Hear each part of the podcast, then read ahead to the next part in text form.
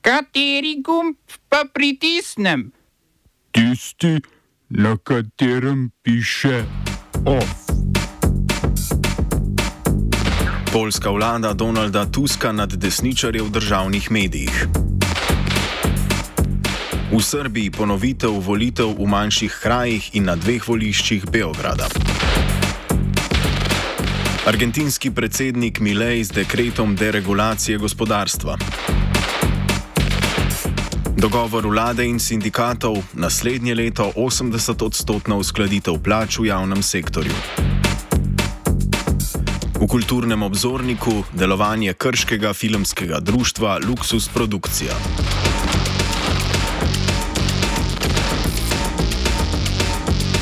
Poljski minister za kulturo Bartvomej Šenkijevič je najprej razpustil prejšnje, na to pa imenoval nove nadzorne odbore Poljske državne televizije, radia in tiskovne agencije. Novi nadzorni odbori so na to imenovali nove člane uprave treh medijev. Zamenjave v vodstvih sledijo resoluciji, s katero je liberalna parlamentarna večina pozvala k nemudni vzpostavitvi ustavnega reda na, na področju dostopa državljanov do neodvisnih in objektivnih informacij. Novo vodstvo televizije je včeraj opoldne začasno prekinilo 24-urni novičarski program televizije. Tri televizijske programe so zamenjali z novimi, spleta je začasno izginil tudi spletni portal državne televizije. Na mesto včerajšnjih večernih novic so gledalcem na televiziji predvajali nastop novega urednika Mareka Čiža. Naznanil je, da bodo gledalcem na mesto propagandne juhe odslej ponujali čisto vodo. stuff. Menjave v vodstvih medijev pa sta obsodila polski predsednik Andrzej Duda in nekdani premijer Mateusz Morawiecki, ki je menjave označil za protizakonite. Oba pripadata polski desnici oziroma konzervativni stranki Zakon in pravičnost, ki je prejšnji teden po osmih letih izgubila oblast. Politiki stranke Zakon in pravičnost so pred zgradbo televizije organizirali protest, nekaj protestnikov je v stavbo tudi udrlo, zato je posredovala policija. Na oktobrskih volitvah so večino v parlamentu dobile opozicijske stranke, ki so prejšnji teden za premijeja ustoličili liberalca Donalda Tuska. Med predvoljivno kampanjo je Tusk obljubil, da bodo v 24 urah televizijo stranke Zakon in pravičnost spremenili v javno televizijo.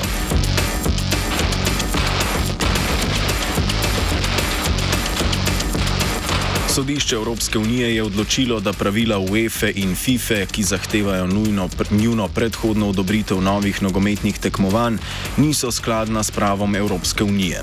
Sodišče je razsodilo, da sta Evropska in Svetovna nogometna organizacija zlorabili dominantni položaj na trgu, ko sta preprečili nastanek nogometne superlige. Kot meni najvišje sodišče za zadeve evropskega prava, pravila krovnih zvez niso v skladu z evropskim pravom, saj niso transparentna, objektivna, nediskriminatorna in sorazmerna. Sodišče je dodalo, da odločitev sama po sebi ne pomeni, da bi zasebna tekmovanja, kot je Superliga, morali dovoliti. Za mnenje se je na Evropsko sodišče obrnilo sodišče v španskem Madridu, na katerem je promotor Superlige, podjetje A22, tožil UEFA. Pri UEFA poudarjajo, da odločitev ne pomeni odobravanja nastanka Superlige in da so svoj statut od začetka sodnega procesa že posodobili na način, da je v skladu z evropsko zakonodajo. Evropska Superliga je projekt kapitala, predvsem ameriškega, v sklopu katerega bi tekmovali največji evropski nogometni klubi. Po protestih navijačev so vsi klubi z izjemo španske Barcelone in Real Madrida od projekta odstopili.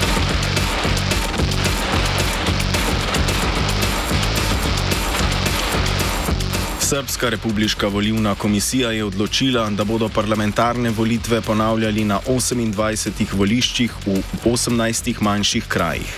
Pri delu teh volišč komisija ni mogla potrditi rezultatov, pri drugem delu pa je rezultate razveljavila zaradi prevelikih nepravilnosti. Natisnili bodo nekaj več kot 12 tisoč novih glasovnic, torej bo ponovitev glasovanja, ki je napovedana za 30. december, zelo omejena. Tako ne more drastično vplivati na absolutno večino, ki si jo je v parlamentu zagotovila vladajoča srpska napredna stranka. Zvečer in po noči so se nadaljevali protesti pred Republiško volilno komisijo v Beogradu, na katerih skušajo linijo narekovati opozicijski politiki iz koalicije Srbija proti nasilju. Njihova glavna zahteva je razveljavitev volitev v Beogradu in po celotni državi, saj trdijo, da so strukture srpske napredne stranke v nedeljo na beograjska volišča pripeljale 40 tisoč ljudi iz drugih delov Srbije in Republike Srpske. Toda vseh protestnikov ne organizira opozicija. Sinoči so se zbrali študentje, ki imajo daljnosežnejše zahteve kot opozicijski politiki. Naš zahtev jeste, da se otvori, da se revidira birački spisak. Dakle, to je naš zahtev Ministarstva državne uprave i lokalne samouprave, da vidimo da ažuriramo birački spisak, da vidimo ko to ima prebivalište, gde, ko može da glasa u Srbiji, u, Beogradu i da na taj način zapravo osiguramo da ako dođe, što je takođe zahtev opozicije, ako dođe do ponavljanja izbora, da birački spisak bude čist i da sprečimo nepravilnosti koje su se dešavale. Ima, ministarstvo ima zahtev do ponedeljka i onda u ponedeljak ukoliko se ne ispuni naš zahtev, mi krećemo u postepene blokade, odnosno postepenu, da kažem, radikalizaciju, što znači da ćemo mi blokirati neke najvažnije tačke u Beogradu. Študentje torej napovedujejo blokade pomembnejših prometnic, kar se je kot uspešna taktika proti odločitvam oblasti predsednika države Aleksandra Vučiča izkazalo v začetku leta 2022. Takrat je Vučič, vsaj do nadaljnega, umaknil dovoljenje Rio Tintu za izkop rudnika litija v dolini reke Jadar.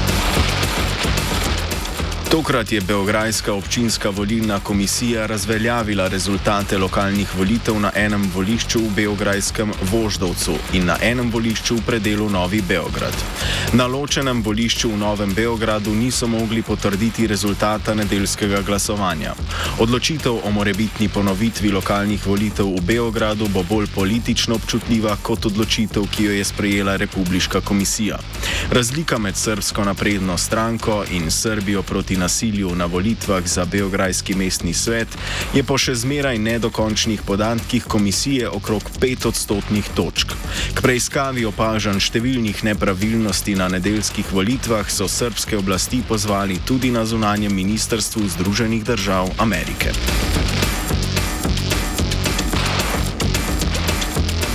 Urad Združenih narodov za koordinacijo humanitarnih zadev je obelodanil, da je izraelska vojska ukazala nemuden umik prebivalstva z petine ozemlja od srednjega in južnega dela mesta Han Yunis. Okupatorska vojska ofenzivo v mestu na južnem delu območja Gaze že izvaja. Pred izraelsko genocidno ofenzivo je na območju, katerega evakuacijo so Izraelci ukazali, živelo več kot 110 tisoč ljudi. Zdaj je tam več kot 140 tisoč ljudi v 32 taboriščih, ki so palestince sprejela potem, ko jih je iz severne Gaze okupator pregnal pod pretvezo, da bodo na jugu varni. V argentinskem Buenos Airesu so se na ulicah zbrale množice, ki so z udarjanjem po loncih in ponvah protestirale proti novemu dekretu predsednika Javierja Mileja. Dekret, ki ga sestavlja več kot 300 ukrepov, je del predsednikovega načrta deregulacije gospodarstva.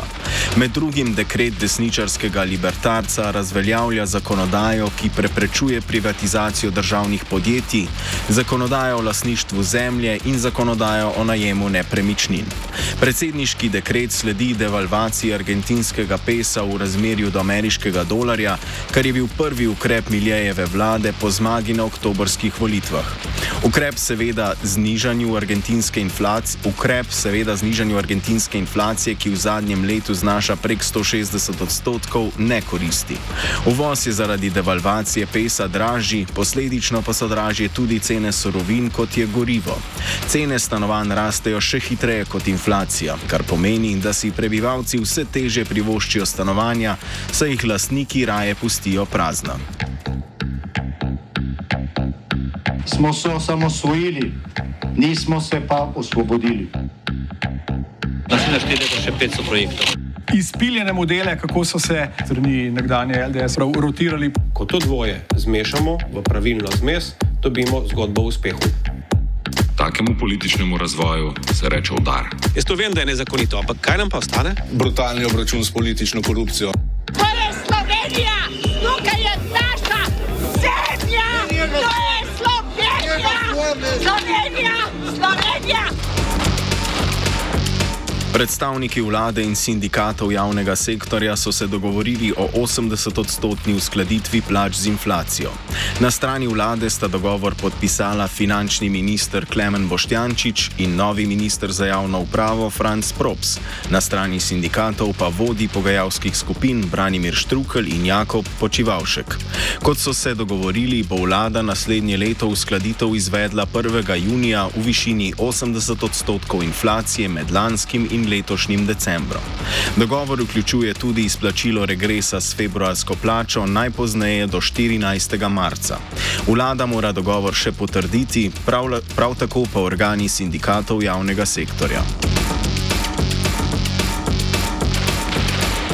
Vlada je določila pravne podlage za izplačilo nadomestila zavarovalnicam Triglav, Vzajemna in Generali.